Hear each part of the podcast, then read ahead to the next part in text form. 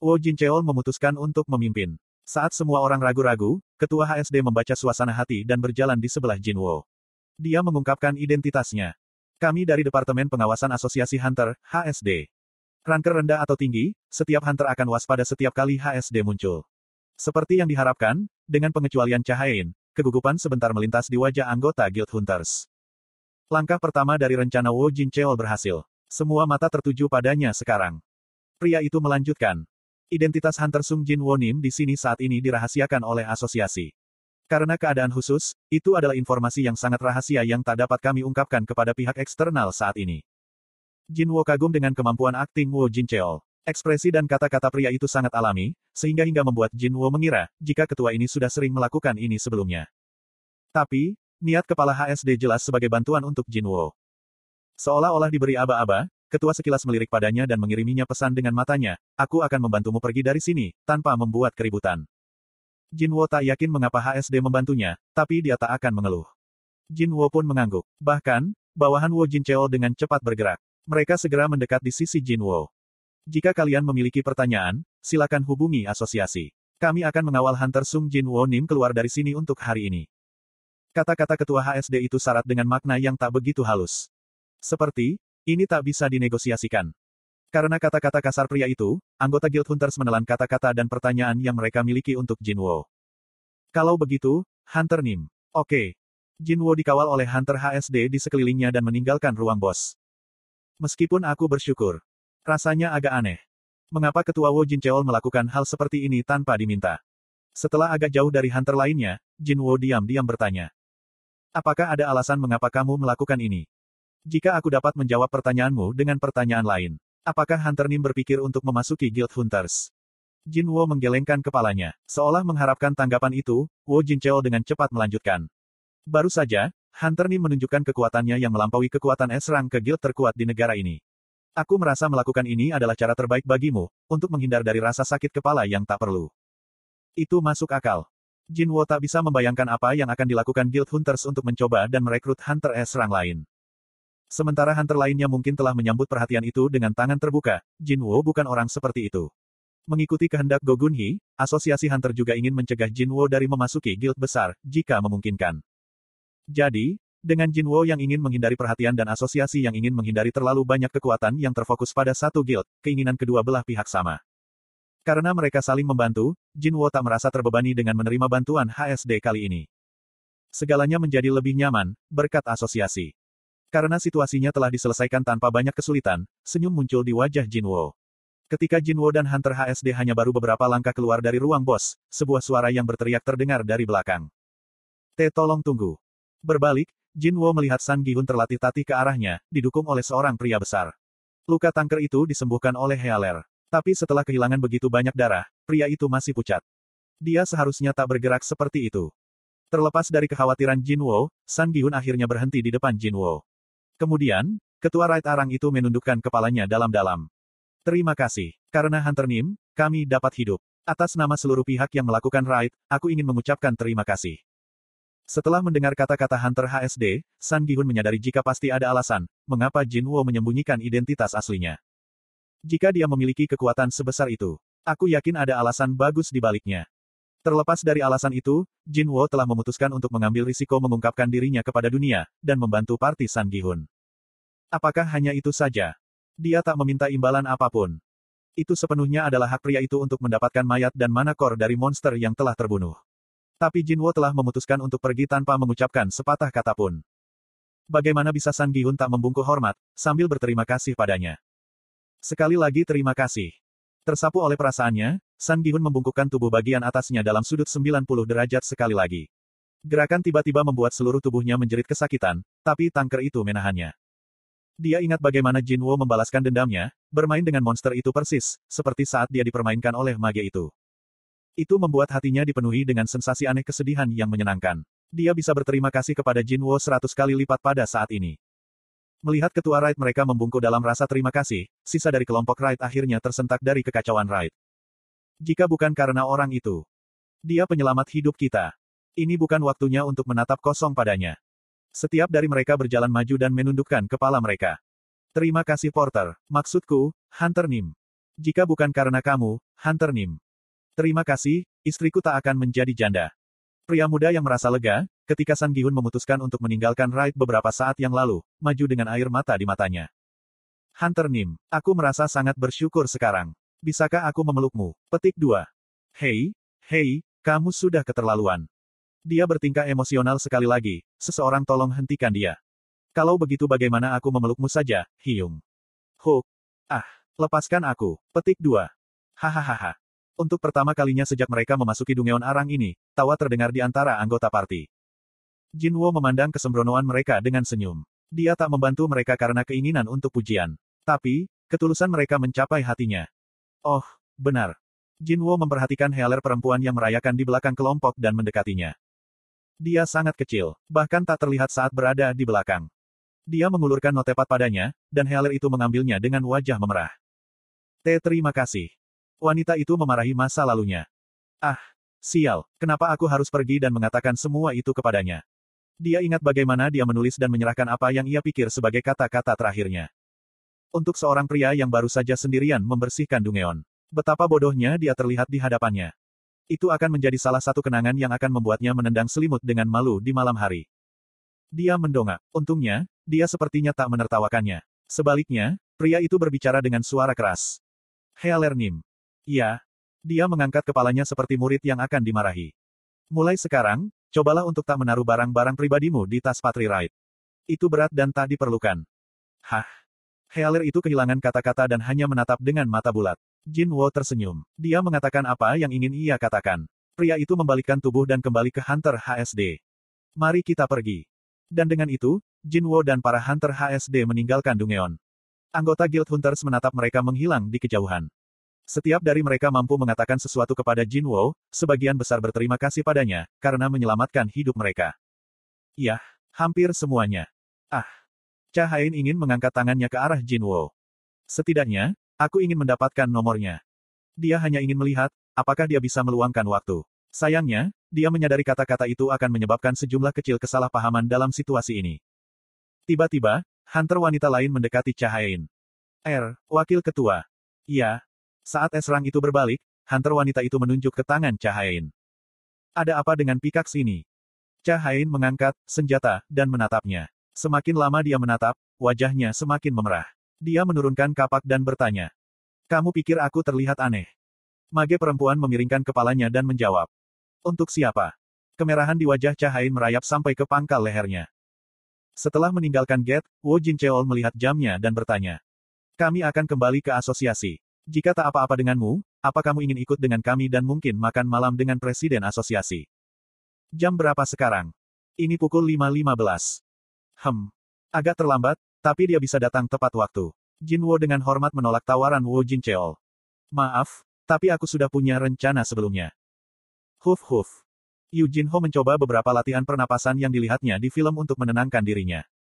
Ini sudah waktunya. Keputusan Hyung Nim akan menentukan nasib Jin Ho. Dibandingkan dengan pertemuan dengan ayahnya beberapa hari yang lalu, pemuda itu merasa jauh lebih gugup dan bersemangat saat ini. Tenangkan dirimu. Tenang. Dia sengaja memilih tempat pertemuan di kafe Prancis yang pertama kali ia datangi bersama Hyung Nimnya. Tanpa bantuannya, aku bahkan tak akan sejauh ini. Melihat sekeliling kafe, rasa nostalgia menghampiri pemuda itu. Dia bahkan duduk di meja yang sama seperti dulu. Ring. Lonceng yang terpasang di pintu berbunyi. Dan dengan itu, Jin Wo memasuki kafe. Hyung Nim. Jin Ho bangkit dengan ekspresi cerah dan menyapa Jin Wo dengan membungkuk dalam-dalam. Jin Wo membalas sapaannya dengan anggukan ringan, dan duduk di hadapan pemuda itu. Jin Ho mengikutinya. Jadi, ada apa? Mengangkat kepalanya, mata Jin Ho melebar. Hyung Nim, pakaianmu. Oh, ini. Jin Wo telah berlari ke sini, setelah pertempuran dengan para High Orc. Pakaiannya agak kotor, bahkan, ada darah High Orc sedikit di atasnya. Lalu dia menjawab tanpa banyak berpikir. Aku baru saja dari Dungeon. Apa? Jin Ho sekali lagi terkejut dengan Hyung Nimnya. Dibandingkan dengan prestasi Hyung Nimnya, Jin Ho yang mendapatkan lisensi Guild Master bukanlah apa-apa. Tapi pemuda itu telah menghabiskan berhari-hari, setelah pencapaiannya. Dan doa dengan tak melakukan apa-apa selain merayakannya dan minum. Dan Hyung Nimnya. Terlepas dari semua kekuatan itu, pria itu terus melatih dirinya dengan memasuki Dungeon. Jin Ho malu pada dirinya sendiri. Seperti yang diharapkan dari Hyung Nim. Pada saat yang sama, rasa hormatnya pada Hyung Nim hanya terus meningkat.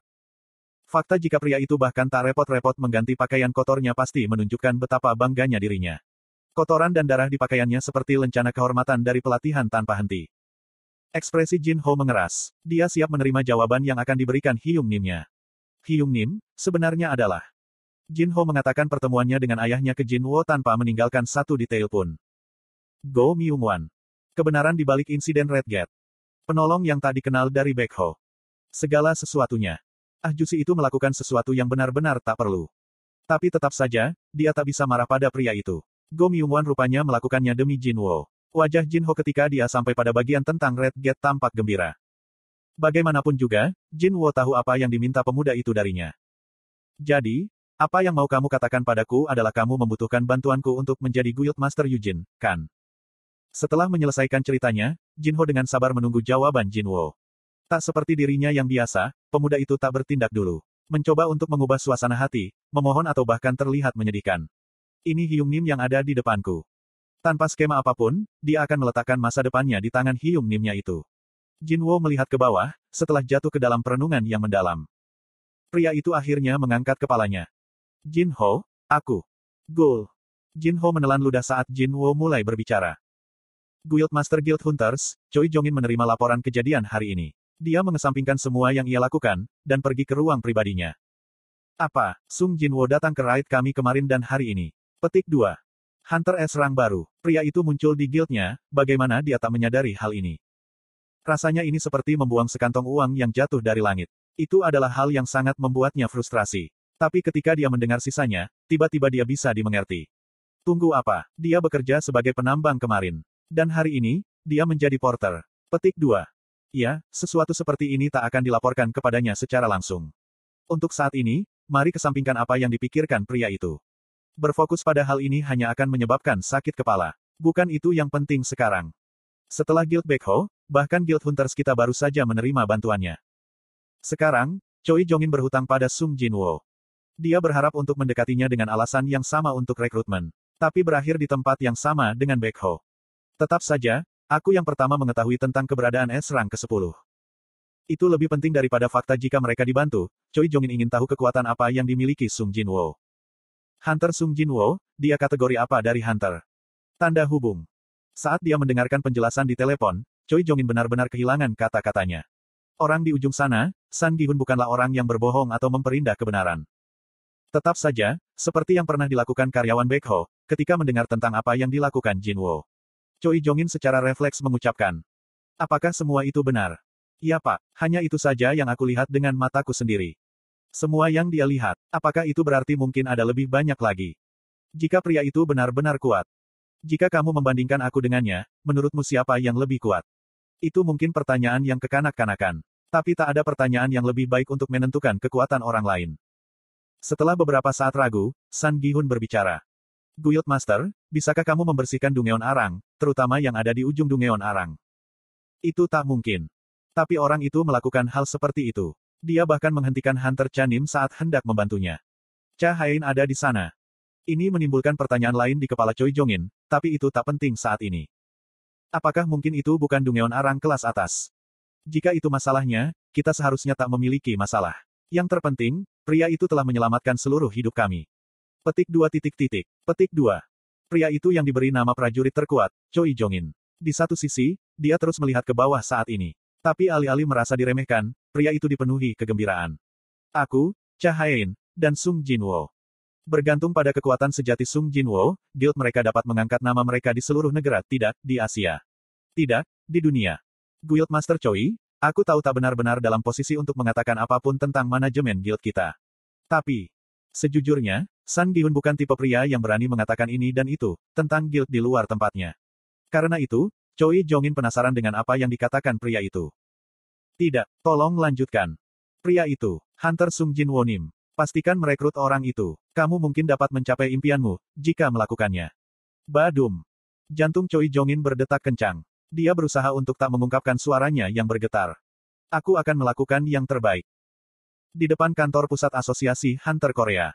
Para wartawan yang ingin meliput hasil kebangkitan Lee Min Sung berbaris seperti semut di depan gedung. Untuk berpikir jika seorang superstar Asia seperti Lee Min Sung akan menjadi hunter. Tak berlebihan untuk mengatakan, jika kamera dari seluruh benua akan terfokus di lokasi ini. Dengan begitu banyak dari mereka di sana, para wartawan mulai saling bertarung untuk mendapatkan tempat yang paling bagus. Permisi, kami di sini terlebih dulu. Petik 2. Peduli apa? Apa kamu melihat jumlah orang di sekitarmu? Tak ada pemesanan tempat lagi. Di mana kamu berdiri, itu adalah tempatmu. Sik.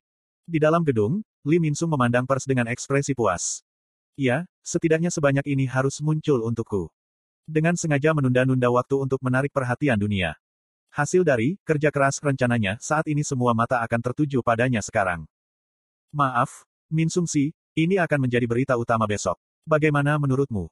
Reporter dari salah satu surat kabar top Korea menunjukkan kepada aktor apa yang akan ada di halaman depan besok. Bukankah ini terlalu sederhana? Kamu pikir begitu? Hem, bagaimana dengan ini? Pria yang memiliki semuanya, Lee Min Sung. Sekarang, dia mendapatkan kekuatan yang melampaui manusia, sesuatu seperti itu. Bukankah menurutmu itu terlalu berlebihan untuk pembaca pada umumnya? Apa aku salah? Lagi pula, siapa di negeri ini yang berani menentangku? Aku mendapat perhatian penuh dari media dan penggemar. Baiklah, kalau begitu aku akan melakukannya. Aku menyerahkannya padamu. Lee Min Sung menatap rendah ke kepala wartawan yang tertunduk itu. Lakukan saja apa yang aku katakan. Berhentilah mengacau. Pada saat itu, dua mobil mewah tiba di tempat parkir asosiasi. Dua orang turun dari mobil masing-masing secara bersamaan. Itu adalah Guildmaster Baekho, Baek Yonho dan Guildmaster Hunters, Choi Jongin. Apa? Lihat ke sana. Itu Baek Yonho. Dan Choi Jongin. Para wartawan yang menghalangi pintu masuk menyerbu kedua pria itu. Kedua esrang itu kemudian mengerutkan wajah mereka. Persetan dengan wartawan ini. Kenapa begitu ramai di sini hari ini? Klik flash. Klik flash. Kamera reporter mengambil gambar tanpa henti. Mereka mengepung kedua pria itu dan mengajukan banyak pertanyaan. Apakah kalian berdua di sini untuk merekrut Lee Min Sung? Sebagai hunter yang mewakili Korea Selatan, apa pendapat kalian tentang Lee Min Sung yang pensiun sebagai seorang selebriti? Bagaimana menurutmu, tentang rang yang akan didapatkan oleh Lee Min Sung? Tolong katakan sesuatu tentang Lee Min Sung. Baik Yon Ho yang tak sabar melambaikan tangan seolah kesal. Aku di sini bukan untuk pria itu. Aku tak punya komentar apa pun tentangnya. Choi Jongin juga menjawab dengan tenang tentang kebenarannya, tanpa banyak emosi. Aku yakin sebagian besar dari kalian sadar jika Lee Min Sung Si telah membuat kontrak dengan Grim Reaper. Aku di sini untuk masalah lain. Pada tanggapan yang agak membosankan itu, para wartawan berbalik dengan kecewa. Apa-apaan itu? Aku pikir, aku bisa mendapatkan berita hangat. Sialan, itu bukan apa-apa. Meski begitu, tak satu pun dari mereka yang berani mengeluh di depan para esrang. Mereka hanya kembali ke tempat lagi di sana-sini untuk menunggu Lee Min Sung. Ketika para wartawan pergi, Baik Yon Ho bertemu dengan tatapan Choi Jongin. Guildmaster Baek Ho itu berbicara lebih dulu. Aku mendengar beritanya. Sepertinya, Guild Hunters juga hampir mengalami insiden kemarin. Baik Yon Ho dengan sengaja menekankan kata, juga. Yah, setidaknya kita menghindari kehilangan arang rekrutan baru seperti Baek Ho. Kontes semangat kedua pria itu tak kalah dari para wartawan. Tapi, Baik Yon Ho menenangkan amarahnya dan mendesah ringan. Yah, pada akhirnya, sepertinya kita berdua menerima bantuan dari pria itu. Kamu benar, jika bukan karena dia, aku akan kehilangan seluruh party ride keduaku. Tingginya kebanggaan kedua pria itu, membuat mereka tak menyebutkan nama penolong itu. Nama orang yang menolong mereka itu sudah jelas. Choi Jongin mengambil langkah ke arah Baik Yon Ho. Dan karena rasa terima kasihku, aku ingin menjaga orang itu di guildku. Baik Yon Ho tak mundur. Dia juga mengambil langkah sampai dahinya tepat di sebelah Choi Jongin. Dalam insidenku, Aku benar-benar kehilangan orang. Untuk memperkuat jumlah guild, bukankah kamu pikir kamu harus menyerahkan pria itu kepadaku? Penguatan seperti apa yang kamu butuhkan dari seorang esrang? Apa? Apa kamu berpikir untuk menyerang Korea Utara? Bagaimana denganmu? Menjaga. Kapan kamu berubah menjadi seorang pria yang penuh kasih dan baik hati? Dan ingin, menjaganya.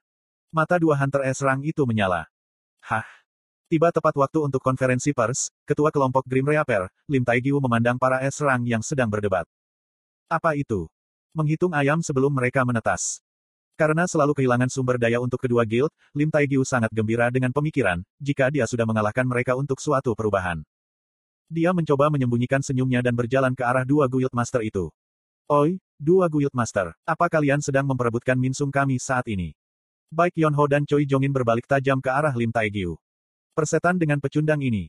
Aku tak peduli tentang Lim Minsung atau Lim Mintart ini, atau apa pun namanya. Lim Taegiu tersentak dan mundur selangkah, ketika kedua pria itu memelototinya. Ada apa dengan orang-orang ini? Apa, Choi Jongin dan Baek Kyonho? Lee Min Sung menyeringai. Aktor itu sudah akrab dengan Lim Taegyu, setelah sering bertemu dengannya selama proses kontrak. Bahkan mengontrak Grim Reaper, yang telah sedikit jatuh dari masa kejayaannya. Dan meninggalkan guild nomor tanda pagar 1 dan tanda pagar 2 adalah bagian dari rencana Lim Insung. Imageku hanya akan bersinar, ketika aku berada di sebelah orang yang lemah. Sebagai seorang selebriti, menjual citranya adalah bagian besar dari pekerjaannya itu. Dan Lim Insung memastikan untuk menjaga citranya sampai sekarang. Tak disangka, jika para guild master top negara akan memperebutkan diriku. Petik 1. Dia tak memiliki rencana untuk bekerja sebagai hunter untuk waktu yang lama. Tapi ini masih membuat bahunya naik dengan kesombongan. Segera, manajernya membuka pintu dan masuk. Minsung, mereka semua sudah siap. Mari kita mulai dengan wawancara.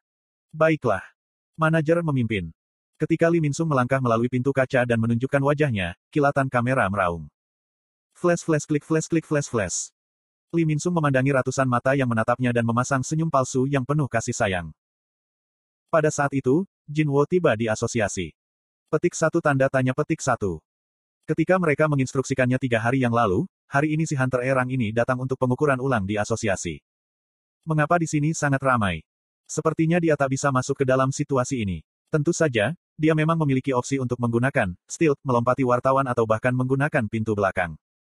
Tapi, dia tak suka ide harus menghindari wartawan seperti itu. Terutama mengingat dia sudah membuat janji tiga hari yang lalu. Ini tak seperti, aku sudah melakukan kesalahan. Tiak ada alasan baginya untuk menghindari menggunakan pintu depan. Jinwo menerobos kerumunan wartawan dan secara paksa berjalan ke bagian depan gedung. Permisi. Hei. Apa-apaan ini? Siapa itu? Itu adalah kekuatan Esrang. Para wartawan tak punya pilihan selain didorong ke samping, dan hanya bisa mengerutkan wajah mereka. Dalam sekejap, Jin Wo tiba di tangga sebelum pintu masuk gedung. Tapi, sebelum dia mengambil langkah masuk, seorang pria berotot menghalangi jalannya. Hei! Itu adalah manajer Lee Min Sung. Manajer itu melotot matanya dan berteriak pada Jin Wo. Kamu siapa? Apa kamu dari asosiasi? Jin Wo menatap lurus ke wajah pria itu dan menggelengkan kepalanya. Apa-apaan ini? Lihat omong kosong ini. Alis tebal manajer itu berkedut. Apa kamu tak melihat semua wartawan di sini? Jinwo berbalik dan memandang kerumunan. Setiap dari mereka menatapnya dengan jengkel. Dia mengerti jika mereka ada di sini untuk wawancara. Tapi tik seperti mereka memiliki jalan untuk melakukan itu. Karena dia tak bisa secara pribadi mengusir para wartawan, para wartawan tak punya hak untuk mengusirnya. Tetap saja, ada terlalu banyak mata yang mengawasi. Jinwo hanya ingin diam-diam masuk ke dalam gedung tanpa menarik terlalu banyak perhatian. Kamu tak bisa lewat saat ini. Keluar dari sini, tolol. Manajer memblokir jalannya lagi dan mendorong dada Jinwo. Pada provokasi ini, mata Jin Wo berubah. Apa? Manajer itu terkejut. Dia berencana mempermalukan Jin Wo dengan mendorongnya. Tapi bahkan ketika seorang kelas fighter derang mendorongnya, Jin Wo tak bergerak sedikit pun. Manajer itu mendorong dengan kekuatan yang cukup untuk melukai orang biasa. Tentu saja, Jin Wo tahu ini. Petik dua titik titik. Petik dua. Dengan jengkel, dia menatap wajah manajer itu. Dan hanya dengan itu, manajer berotot itu menjadi memucat. Apa yang sedang terjadi? Apa mereka akan bertarung? Keributan muncul dari para wartawan yang menonton adegan itu. Manajer mulai berkeringat. Jika tak ada yang melihat, manajer sudah sepenuhnya siap untuk memberikan jalan. Sayangnya, mata para wartawan dan bosnya, Lee Minsung. Mereka sedang menatapnya sekarang. Lee Minsung mendekati manajer dan berbisik. Sialan Hyung, apa yang terjadi? Urus dia. Oh, ya, dimengerti. Jika dia tak bisa melakukan pekerjaannya di sini, manajer bisa dipecat. Pria itu memasang wajah menakutkan terbaik yang ia bisa, dan berteriak. Aku bilang, kamu tak bisa lewat kemari. Jadi, keluar dari sini. Petik 2. Apa hakmu menghalangi jalan pria itu? Hah? Suara itu datang dari belakangnya. Manajer berbalik. Presiden Asosiasi Hunter Korea, Go Gunhee berdiri di depan pintu kaca. Mata wartawan melebar. Kejutan mereka begitu hebat, sehingga mereka bahkan tak bisa mengambil foto. Go Gunhee. Presiden Asosiasi Go Gunhee. Kekacauan yang terjadi beberapa saat yang lalu, benar-benar dibungkam oleh penampilan tak terduga seorang pria tua. Gogunhi datang jauh-jauh ke tangga dan berbicara. Pria itu adalah tamu kami. Gogunhi menoleh ke Lee Minsung. Lee Minsung si, kamu ingat siapa yang mengizinkanmu membawa semua reporter ini ke sini, kan? Lee Minsung menarik perhatian. T tentu saja, Tuan. Jika dia membuat kesalahan di sini, dia akan kehilangan waktu konferensi pers berharga yang diberikan oleh asosiasi. Dia tak bisa dibodohi di depan banyak mata ini. Lee Minsung mengerutkan alisnya dan memberi isyarat kepada manajernya, dan manajer itu menundukkan kepalanya di depan Go Gunhee, dan Jin Wo kemudian melangkah ke samping. Ai, mari kita masuk, Hunter Sung Jin Wo Nim. Ketika Jinwo menerima pengawalan Gogunhi masuk ke dalam gedung, para wartawan tak bisa menyembunyikan keterkejutan mereka. Cater-cater. Apa yang baru saja terjadi? Siapa pria itu, yang dapat membuat presiden asosiasi sendiri datang untuk menjemputnya? Apa ada yang tahu siapa pria itu? Para wartawan berteriak frustrasi, tapi tak ada yang menjawab mereka.